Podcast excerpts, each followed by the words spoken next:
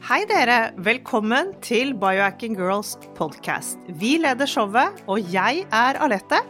Og jeg er Monica. Vi er gode venner og kolleger, og vi legger sammen våre erfaringer og kunnskap for å inspirere deg til å bli din egen biohacker og optimalisere livet ditt. Vi følger med på ny forskning og trender, og stiller de spørsmålene vi mener er nødvendige. Ja, vi deler informasjon om biohacking, life coaching og fitness, og vi håper at du vil føle deg inspirert og klar til å ta et tak for å komme i den beste helsemessige form. Velkommen til Biohacking Girls podcast. Joel Green har skrevet boken The Immunity Code, som har røsket opp i biohackeres ideer om både kosthold og helse. Han er skikkelig old school, og alt det han drev med back in the days, det er vel egentlig det vi driver med nå. Ja, så i dag eh, gjør vi en liten recap på mandagens episode. fordi at når vi har engelske gjester, så går det ganske fort, og vi trenger å konsentrere oss selv som har gått igjennom det vi snakket om på mandag, så en episode som handlet om supersleep. Og Joel han er da ekspert på dette, blant annet, men han har jobbet med fitness og bodybuilding, og han lagde protokoller på 90-tallet og på begynnelsen av 2000-tallet. Eh, og han ville se alt eh, på alle de tingene som handlet om helse og tarmer og kroppsfett og søvn og muskler osv. Han ville se på dette i en sammenheng. Mm. Og i dag så driver han jo og sertifiserer til og med coacher. Han deler masse info, og du må rett og slett ha svart belte for å forstå dette her. Monica, du driver jo med dette. Kan du snakke litt om hvordan det går? ja, så jeg er da ja, snart et halvt år inn i studiene med Joel Green for å bli immuncentric coach. Jeg syns det er kjempeinteressant, Alette, og jeg er veldig glad for å kunne snakke med deg om det. At jeg faktisk kan ta studiene videre, og når vi intervjuer leger, så har jeg Ja, at vi kan forstå ting sammen òg, fordi at det er komplisert. Jeg har tidligere studert både av, av de tunge tingene, da, lingvistikk og latin, språk, kunsthistorie. Men dette er medisin på et sånn veldig detaljert nivå, så det er litt tungt. Ja, det er, det er, litt tungt, og jeg er veldig glad når du forklarer meg om dette. Jeg er så glad for å få det gjennom din munn, og ikke Joel Greens. Du er veldig, veldig flink. Men tilbake til Joel Green. Han har jo jobbet med mange celebre klienter. Han har hjulpet masse folk, folk som har blitt syke av dietter og muskeltreningen de har drevet med. Han så jo folk dø rundt seg, dette var tidlig på 2000-tallet, og da bestemte han seg for at nei, han måtte ta ansvar. Han leste masse forskjellig stoff om eh, dette her, og i 2006 så var det mentoren hans, Jeffrey Gordons, som først kom ut med dette med gut biome, og dette interesserte Joel. Han laget flere protokoller basert på disse teoriene til Jeffrey Gordon. Han fikk folk ned i vekt, og dette var han jo helt alene på markedet med frem til rett og slett dette old school som han er, frem til 2015. Da var det jo flere som begynte å snuse på dette med tarmer og vekt, at det faktisk hadde en sammenheng. Og nå har jo tusenvis av mennesker som har fulgt hans råd og hatt suksess med dette. Ja, og det som òg er litt interessant, at han tester da, eh, som de fleste biohackere egentlig, alt på seg selv og på klientene sine. Eh, nå er det jo litt mer akseptert å snakke og sette paralleller mellom eh, tarmhelse og vekt. Men i dag, som sagt, er det søvn som eh, står på agendaen eh, når vi går gjennom den episoden for å forklare dere. og og oss, da. Vi skal bare liksom komme litt dypere inn i dette med søvn, og hva det er for noe. Mm. For søvn er jo problematisk, og det er mange som sliter med det om dagen. Og det er særlig to faktorer som gjør at dette er vanskelig. Og det første er jo at vi er ekstremt stillesittende. Før gikk man jo og gikk og gikk. Man gikk til bussen, man gikk til jobben, man gikk til butikken. Man bar masse, man var i bevegelse i hvert fall 140 minutter om dagen. Og dette gjør jo at man blir sliten og rett og slett trett om kvelden, og det har vi ikke lenger de fleste i livene sine. Ja, når man ikke blir trett på kvelden, så sovner man heller ikke så lett. Eh, det andre som eh, er et viktig poeng her, er det moderne livet vi lever. Det er kombinasjon med EMF, altså stråling fra alle skjermer og ting, og at vi ser på disse telefonene våre og PC-ene våre, og dette forstyrrer da de cellulære prosessene mens vi sover. Og én ting er at, at, du får en ren fysisk påvirkning fra strålingen rundt deg, men du får òg en dopaminhit av å se på den mobilen. Så når disse hormonene våre blir overstimulert, så føler du at du vil ha mer. Og det kan lede både til depresjon og til uro, fordi man får lavt kortisol på morgenen istedenfor høyt når du skal trenge det. For det, det kortisolet skal jo hjelpe deg til å ta fatt på dagen. Så ligger du på kveldene med høyt kortisol i stedet, og du får det som uh, mange leger kaller for 'tired and wired'. Spesielt uh, dr. Mark Hyman, han sier alltid 'tired and wired'.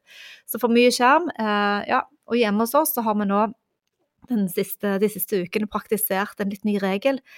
Det var jo litt kjedelig å måtte kjede seg litt. Han er, Yngstemann er 11 år, og vi har redusert mobiltiden til 30 minutter. Sånn at teksting Det er det han gjør. Han tekster eller ringer hvis han skal si ifra om et eller annet. Og så er det spilling da på PC-en sin eh, litt på fredag og litt på lørdag. Og nå, forrige helg, så glemte han helt å spille på lørdagen. Sånn at det, eh, plutselig så skjer det noe med kreativiteten. Jeg merker det på humøret hans, jeg merker fokuset hans. Og at det, det gjør oss godt å sette de grensene han sier at det er bra for han selv. Ja. Ja, hjemme hos oss, så Jeg har jo ikke så små barn, men um, jeg har noen Det er ikke akkurat det jeg har noe å si. Nei, men, men, men eh, det, er det, det, er, det, er poenget mitt. Men jeg har en mann som som ikke er interessert i å ta verken bort blått lys eller skru ned lysene i huset. Så jeg sitter med mine blue blockers og kjeder livet av meg, mens han har full belysning. Så vi har litt issues der, men han prøver så godt han kan å ta hensyn til meg og i forhold til alle mine leggerutiner. Ok, velkommen dere til ukens, eh, eller torsdagsepisoden, som er en recap på Joel Green. Vi skal gå inn i temaet, og temaet er søvn. Ja, skal vi begynne med hva er søvn, egentlig? Søvnens primære funksjon det er jo å bygge opp og fornye energien i kroppen vår. Når vi har brukt den opp i løpet av dagen, så må vi restituere og bygge opp cellene våre i løpet av natten. En annen viktig funksjon er å opprettholde energibalanse i hjernen vår. Og dette er jo veldig viktig. Og på et biologisk plan vil søvn fylle opp energilagrene i kroppen vår. Og dette er det vi kaller ATP, adeonisin trifosfat. Ja, ATP er et stoff som finnes i alle levende celler, som gir energi til mange av de metabolske prosessene. Og det blir syntisert i mitokondriene våre, i energilagrene, og er den primære energikilden for de viktige biologiske funksjonene som muskelsammentrekning, nerve, puls, overføring og proteinsyntese. Ja, det er vel i grunnen det, det som holder oss i live, er denne ATP-greiene. Jo mer energi vi bruker nemlig på dette cellenivået, jo mer vil vi trenge denne søvnen over tid. Og dette er bra, for dette er en prosess som kroppen vår liker. Og det betyr også at vi må rett og slett bevege oss mer i løpet av dagen. Kanskje holde flere foredrag, bruke hodet mer. Diverse småting som vi kan gjøre for å bli mer slitne på kvelden og bruke opp denne adenosinen. Adenosin, ja. ATP er knyttet til fosfater, som er energi. Og når et fosfat er frigitt, da er òg energien frigitt. Så dette er kraft til cellene, sånn at de kan gjøre den jobben de trenger. Så vi kan bevise at hensikten med søvn er å fylle opp ATP ved å se hva som driver søvnen. Dette er teorier som Joel Green jobber med, og det som driver søvn, er økning av dette adenosinet uten fosfatmolekyl i hjernen. Og hvordan får man da adenosin uten fosfatmolekyl? Jo, du tømmer energien, akkurat som du sa, Aletta, vi må bevege oss mer. Så når adenosin øker i hjernen utover dagen, så vil du få mer adenosin, og dette trigger igjen søvn. Det går i en sånn sirkel. Så når du bruker f.eks. hodet masse i løpet av dagen, siden du har holdt et foredrag eller hatt et viktig møte eller et kurs eller noe som krever veldig mye av deg, og du føler deg supersliten på kvelden, og da enten kan du ta en liten napp i løpet av dagen for å bygge det opp, og det er fordi du har tømt det adenosinlageret i hjernen at du føler deg trøtt, så da er hensikten med å sove og gå og legge oss på kvelden er å fylle opp akkurat det som du sa, Alette, mm. adenosin på nytt. Ja, det, dette er jo helt magisk. Men søvnen har også andre funksjoner, som at den reparerer, den lader opp. Og det er akkurat som vi trenger denne valutaen. Så hvordan kan vi egentlig få bedre søvn? Både her og nå, men også i lengden. Det er jo mange ting man kan jobbe med i forhold til dette med søvnen sin. Joel Green tror på dette med å stakke mange små ting oppå hverandre, istedenfor å bare gjøre én og én ting. Litt sånn som i den Atomic Habit-boken, hvor du bruker det ene til å lage en ny habit. Og alle disse små tingene du da legger inn i din søvnprotokoll, de vil gi deg en 5-10 forbedring i søvnen din over tid. Ja, helt klart. Eh, så, så 5-10 forbedring er jo veldig bra på en og hver. Så kan du jo velge om du har lyst til å gå all in, eller ta noen av disse.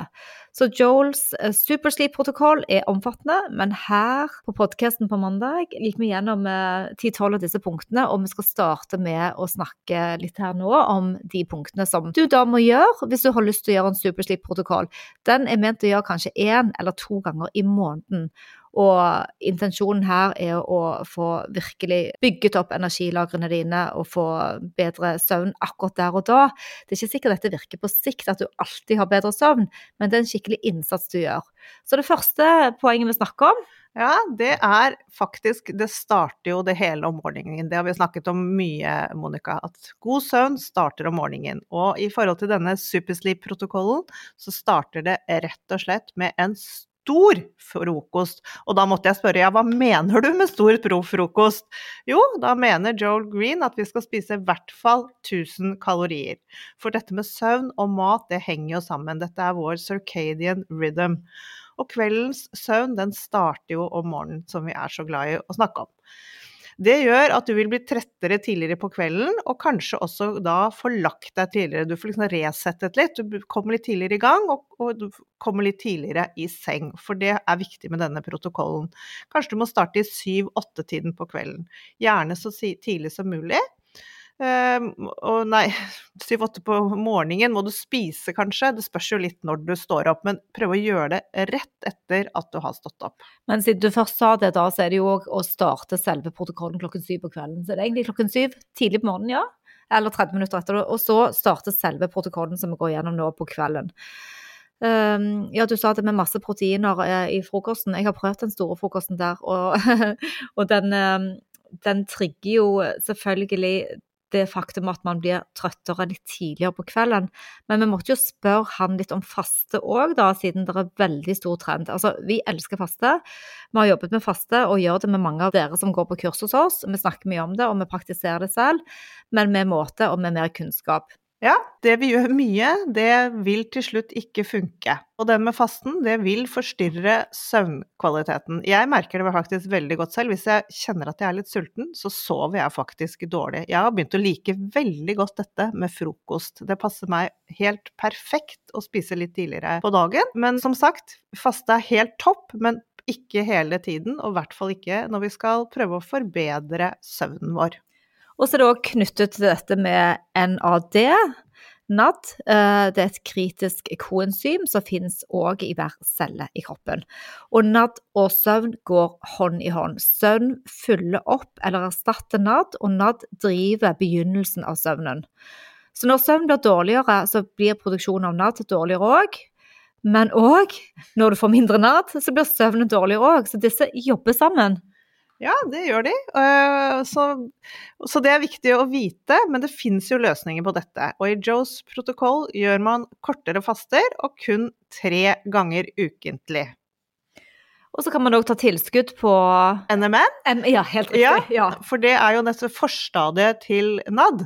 Så hvis du tar tilskudd av det, så vil du lære kroppen din til å automatisk selv produsere denne NAD-en i cellene sine. Men som sagt så er det en stor fastetrend i verden nå. Vi ser det i eh, magasiner og blader hele veien nå, i Norge òg. The jury is still out. Vi må lytte til kroppen. Periodisk faste og daglig faste er greit, men vi skal ikke overkjøre det, og ikke gjøre det hele tiden. Så til dere som lytter til oss eh, der hjemme, ting virker altså superbra med en gang man begynner på noe. Men etter en stund så gjør det ikke det. Og på lang sikt så kan det gå faktisk helt motsatt og gi negative virkninger. Det kan virke helt mot sin hensikt. Sånn er det med alt. Med low carbs-dietter, eh, med keto-dietter. Og man vet at carbo kan gi boost til treningen, men gjør for mye av dette, bare spiser karbohydrater hele tiden, så blir det jo negativt igjen. Og Det samme gjelder jo proteiner. Høyt med proteiner. Man blir linere, men på sikt så kan det stagnere. Ja, men det er mange fine fordeler med faste. Masse fine fordeler med faste. Det er ikke det vi sier at dere skal slutte med det, men, men bare vær litt oppmerksom. Nummer to på listen eh, over ting som er fint å få med seg på søvnprotokollen, er dette som vi snakket med om i begynnelsen, også dette med å være aktiv i løpet av dagen. Trene, gå tur, bruke hodet, lese, kanskje studere noe.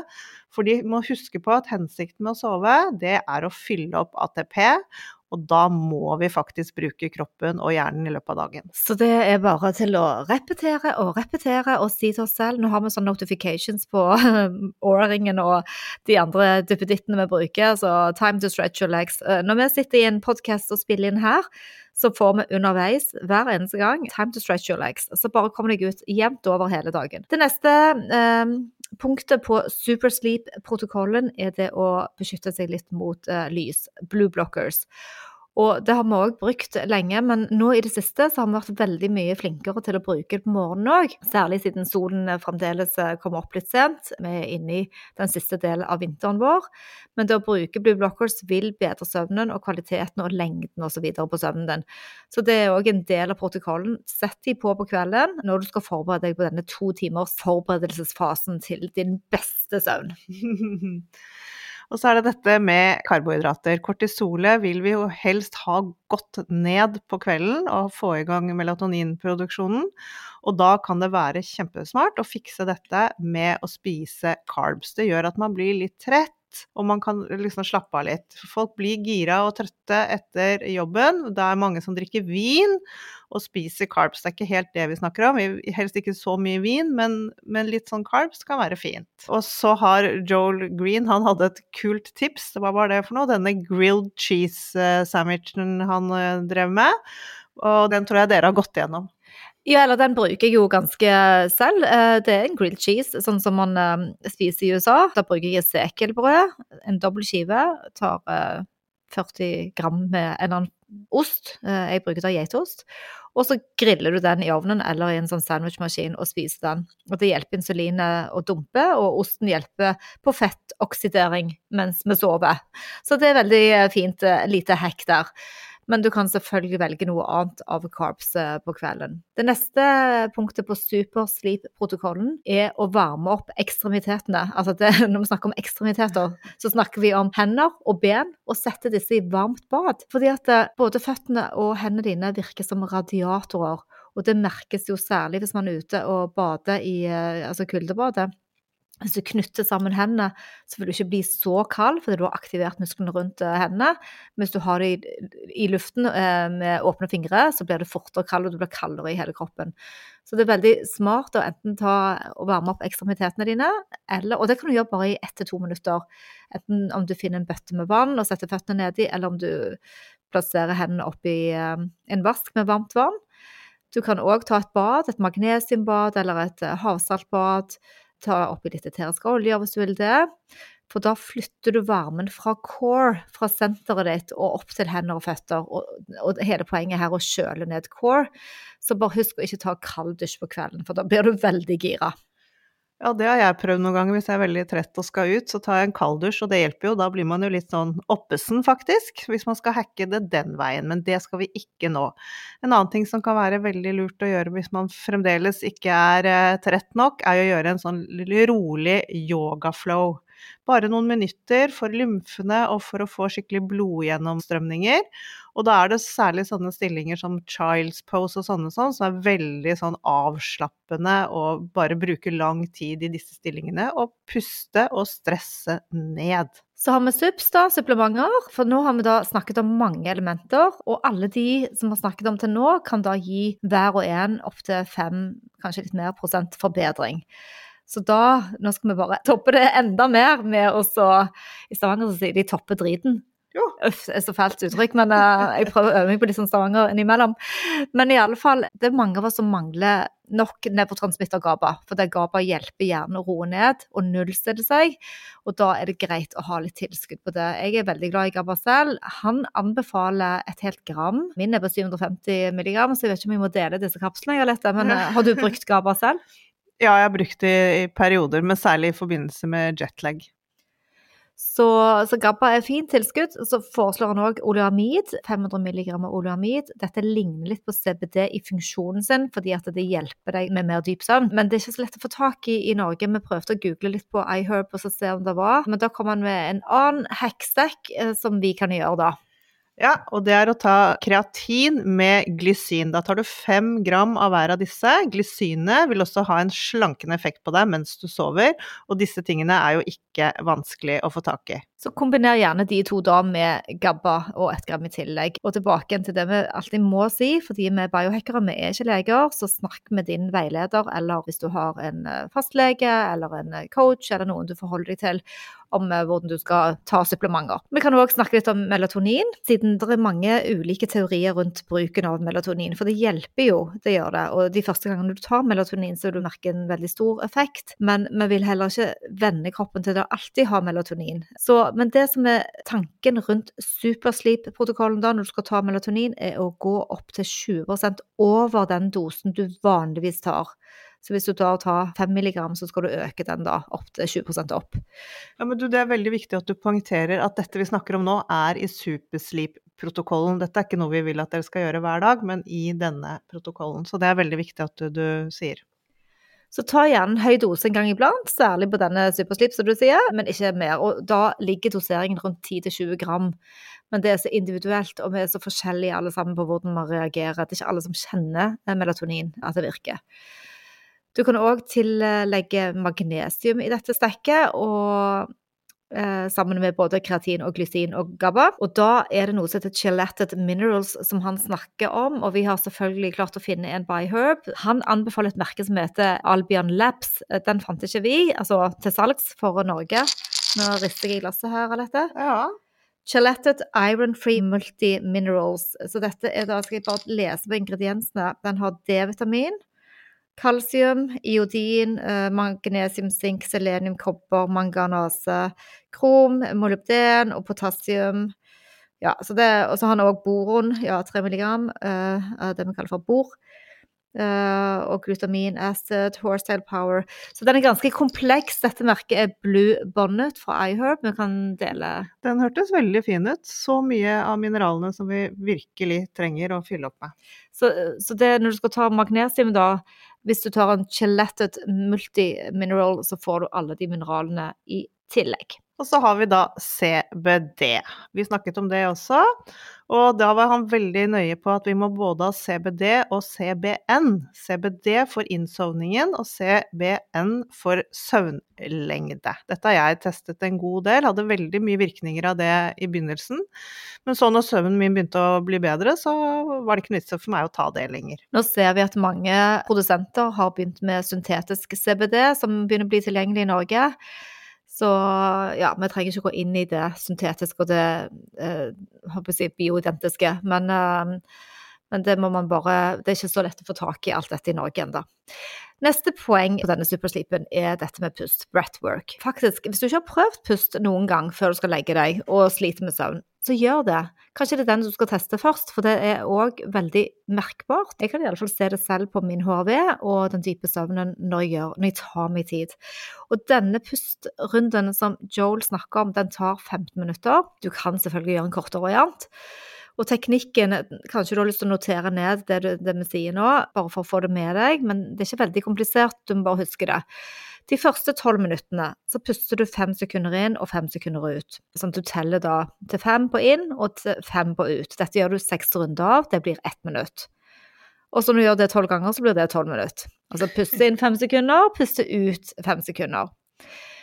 Og da puster du inn gjennom nesen og ut av munnen og prøver å crunche luften helt fra magen og ut. Og de snakker om at vi har hjernevev i tarmene, og at fysisk stress kan lagre seg der. Og det som får puste dette ut, vil roe ned og påvirke nervesystemet ditt. Ja, Så det er akkurat som du gjør en sånn liten sånn crunch, mavecrunch, for ja. å få ut all luften der nede. Helt riktig, en sånn magecrunch.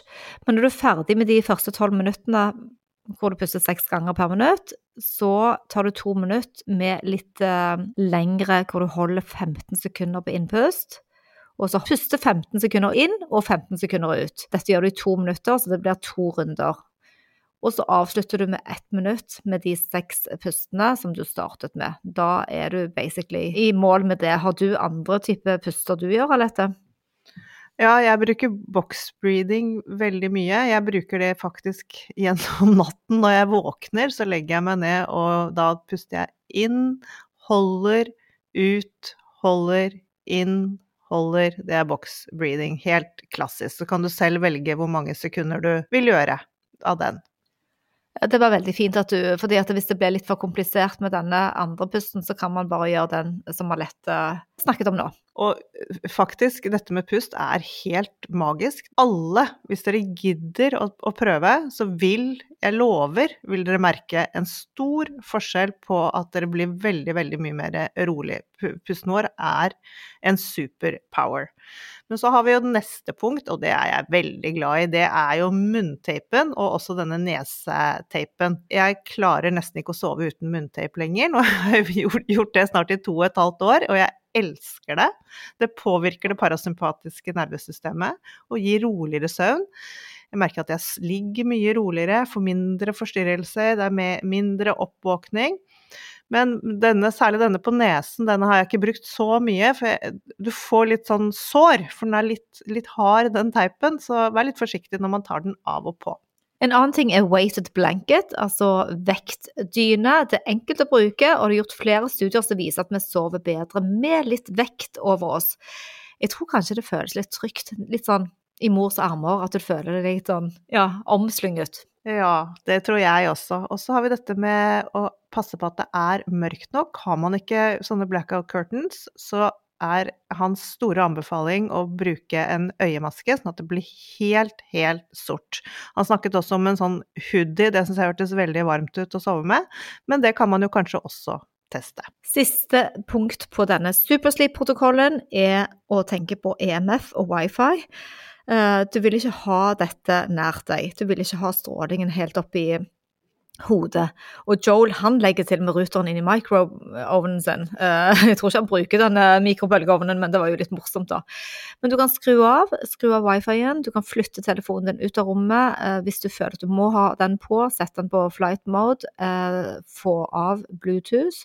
Har du TV i rommet, så det er òg magnetisert. Du kan bestille en sånn strømmåler og sjekke hvor mye load det er på lampene. Kanskje det til og med er en TV på baksiden av veggen på soverommet ditt i et annet rom. Finn ut av de tingene der, for de vil forstyrre søvnen. Så Joel han ønsket jo å bygge en kobberboks rundt sengen. Det, skal du gjøre det, Alette? Jeg tror det. Det hørtes jo helt genialt ut, istedenfor å gå rundt i huset og skru av alt mulig rart. Hvis du bare kan legge deg inn i en boks. Men vi har EMF-luer, og nå har jeg faktisk bestilt et sjal av dette. Jeg skal vise deg bilder av det etterpå. Jeg gleder meg sånn til EMF-sjalet mitt kommer. Jeg håper det er like fint og uh, ikke ser helt sånn Kina-syntetisk ut. det gleder jeg meg til å se. Det, det høres helt magisk ut. Men så tilbake til protokollen. Eh, når du skal gjøre denne protokollen, så er det viktig at du planlegger, for dette, dette, er en jobb. Dette er ikke noe som du bare kan ta lett på, eh, og derfor også bare én, maks to ganger i måneden. Men du begynner tidligere på kvelden, fordi skal, poenget her er at du skal prøve å sove så lenge som mulig. Så gjerne begynne når klokken er syv, eh, og dette er jo da noe som i ja, rett og slett en jobb, for her er det mange punkter man skal gjennom før man legger seg og sover. Ja, og så ikke gjør det så ofte. En gang i måneden, kanskje. Det er jo en longevity-greie, dette med søvn. Så det som med vekt, når man går litt opp og ned i vekt, man slanker seg kanskje, og så har man kommet til idealvekten sin og driver da vedlikeholder dette, og så plutselig trenger du å booste litt og gå litt ned igjen så må man inn og finne nye veier. Og sånn er det med søvn òg. Det er bra at du sier at det er en jobb Aletta, for det er faktisk en jobb. Denne dagen er, er det jobb, eh, er søvn, det som står på agendaen din. Men det er ikke sikkert at søvn blir god for alltid, så, men du får hentet deg så bra inn igjen og skal føle deg opplagt. La oss snakke litt om HRV òg, for vi lurer litt på dette med HRV, hvordan supersleep påvirker HRV. Ja, og det er vel ikke gjort noe videre studier på det, men nå som vi har lært så mye om HRV, så kan vi vel bli enige om at det helt klart har en god innvirkning på HRV-en vår.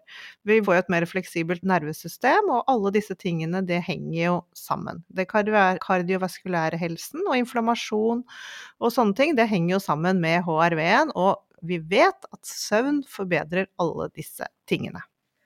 Ja, både kroppsfettnivå og hjertehelse endotellfunksjonen, alle de tingene som en del av det å være sunn hjelper på søvnen vår.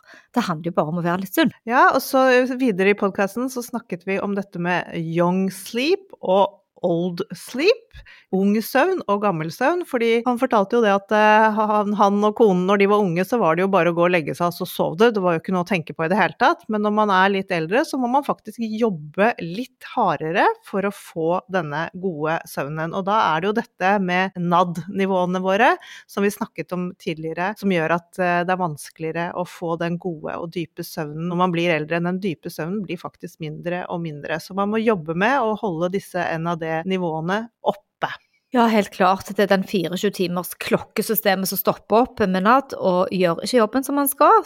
Så klokkesystemet som regulerer søvn, jobber ikke helt på samme måte, og sirkelen er i gang. Du reparerer ikke det nå når du blir eldre, sånn som du gjorde når du var yngre. Så det er det med biohacket, å fikse på små ting. Når vi er unge, så, så, så Joel, mm. så bare legger du deg, du ser barna. Mens det er vel kanskje de siste fire-fem årene jeg har begynt å tenke på at jeg må ja, forberede meg litt til å sove. Et annet poeng er hormoner. For det søvn er en hel symfoni av hormoner, og det skjer forskjellige prosesser. Mathormonene de er relatert til søvn. Eh, da er det leptin og grelin. Eh, de er relatert til matsirklene våre. Og vi har sexhormoner som dramatisk påvirker søvnen. Eh, vi får eh, mindre østrogen, estradiol, mindre testosteron, eh, progesteron. Alt dette påvirker, og alle de tingene jobber sammen. Når vi skal optimalisere, så må man tenke på hele denne protokollen med mat og frokost og påvirke hormonene. Og sexhormoner og menopause. Og det første vi ser faktisk i menopause, er jo søvnforstyrrelser. Og da er jo han ganske for bioidentiske hormoner. Ja, heldigvis så mener han at det er bare noe man trenger å gjøre for å ikke la det gå på bekostning av søvnen, dette her. Om et par uker så kommer det en episode hvor vi bare skal snakke om bioidentiske hormoner. Så optimal tid på søvn er 7,2 timer per natt. Men på supersleep så sover du kanskje 10-12 timer. Dette er målbart. Man kan teste det. Så er det dette med å spise rett før man legger seg. Vi snakker litt med Joel om det òg, og han mener at uh, argumentene kan ha noe for seg. Så han liker alltid å se på begge sider av saken.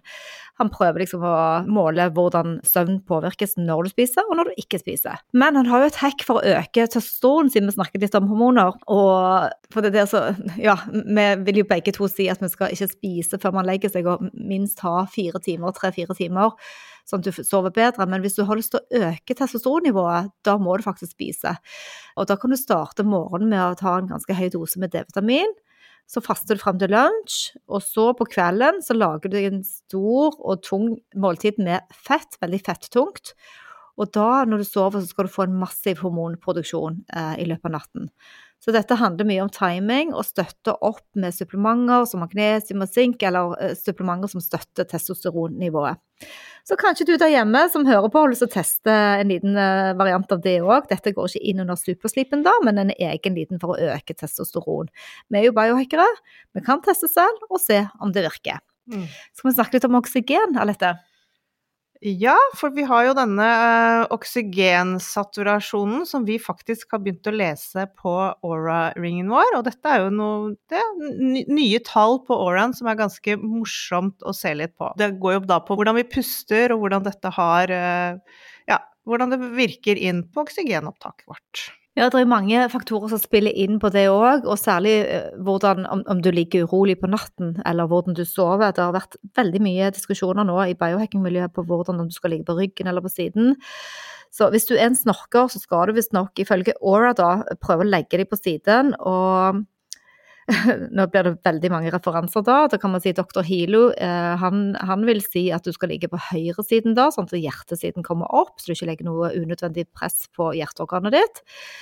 Men eh, man må på en måte prøve litt forskjellig. Ja, og hvis du uh, har problemer med sånn hva heter det, heartburn eller sånn acid reflux, så kan det også være lurt å sove på venstre side. Så ikke vet jeg hvorfor, men uh, det er i hvert fall tipsene vi har hørt, og det kan jo gå an å prøve det i hvert fall. Og dette med munnteip og uh, en neseåpner eller en sånn strip vil jo òg hjelpe, for du, du, vil jo ha mest mulig oksygen. Hvis du er litt forkjølet og sånn, så kan det påvirke disse tallene. Helt klart. Mm. Så, så, spennende. Ehm, men neste uke, dere, før vi avslutter her ah, Ja, forresten så kommer jo Joel Green med ny bok. Vi kan ikke legge link under den, for den er ikke tilgjengelig for presales enda, men det kommer vi tilbake til. Han har the immune-centric uh, approachen sin fra den første boken og The Two Day Core, som er en måte å spise på. Og nå har han prøvd å sette dette sammen til en uh, diettbok ikke akkurat dietter, men en matbok som handler om hvordan man skal spise for da å ikke ha alle disse svingningene opp og ned. Så alle de teoriene kommer med. Det blir spennende. Ja, det blir kjempespennende. Han er jo bare et oppkomme av ting som kommer ut. Men dere, neste uke da har vi en superspennende episode. Vi skal snakke med en lege om hyperbar oksygenkammer. Og dette var jo opprinnelig brukt bare som rent medisinsk, ved bruk av rent oksygen ved overtrykket. Og dette er jo da et sånn digert kammer som fantes på sykehus, det fins selvfølgelig fortsatt, det har vært brukt lenge hvor du kom inn i dette kammeret, ble liggende der i ca. 60 minutter, og så skulle dette da rene oksygenet helbrede sånn sår ved diabetes, og de brukte det jo ved sånn bruker det ved dykkersyke og sånne ting. Men dette er jo blitt veldig, veldig up and coming som en veldig nytt eh, biohack, eller jeg har holdt på en stund. Og nå er det jo endelig i Norge også tilgjengelig for oss vanlige folk, fordi nå kan private klinikker kjøpe inn disse maskinene og gjøre det tilgjengelig for oss for å få enda mer optimalisering av helsen vår. Ja, og vi har hørt om flere solskinnshistorier. Folk som har vært alvorlig syke med kreft, som har brukt eh, denne type behandling. Så det er veldig uh, interessant for oss å gå inn i det temaet. Vi skal ha flere episoder med Hyperbar, men neste uke altså er første episode ut. Men du, tusen takk til dere som lytter til oss. Det er mm, alltid fint å få tilbakemeldinger fra dere på det vi leverer av innhold på podkasten. Vi koser oss veldig og lærer nye ting. Joel Green kommer jo på Biohacking Weekend 2023. Og dere kan gå inn på kongresspartner.no for å sikre dere billetter hvis dere har lyst til å delta på den helgen, enten på dagpost eller hele helgen. Med eller uten overnatting. Eh, det finnes mange varianter her. Så vi er veldig, veldig eh, spente på det. Ja, og vi håper jo å se dere alle der, for det blir, eh, det blir årets helg, for å si det sånn. Tusen takk for oss, og ha en fin uke, og happy biohacking!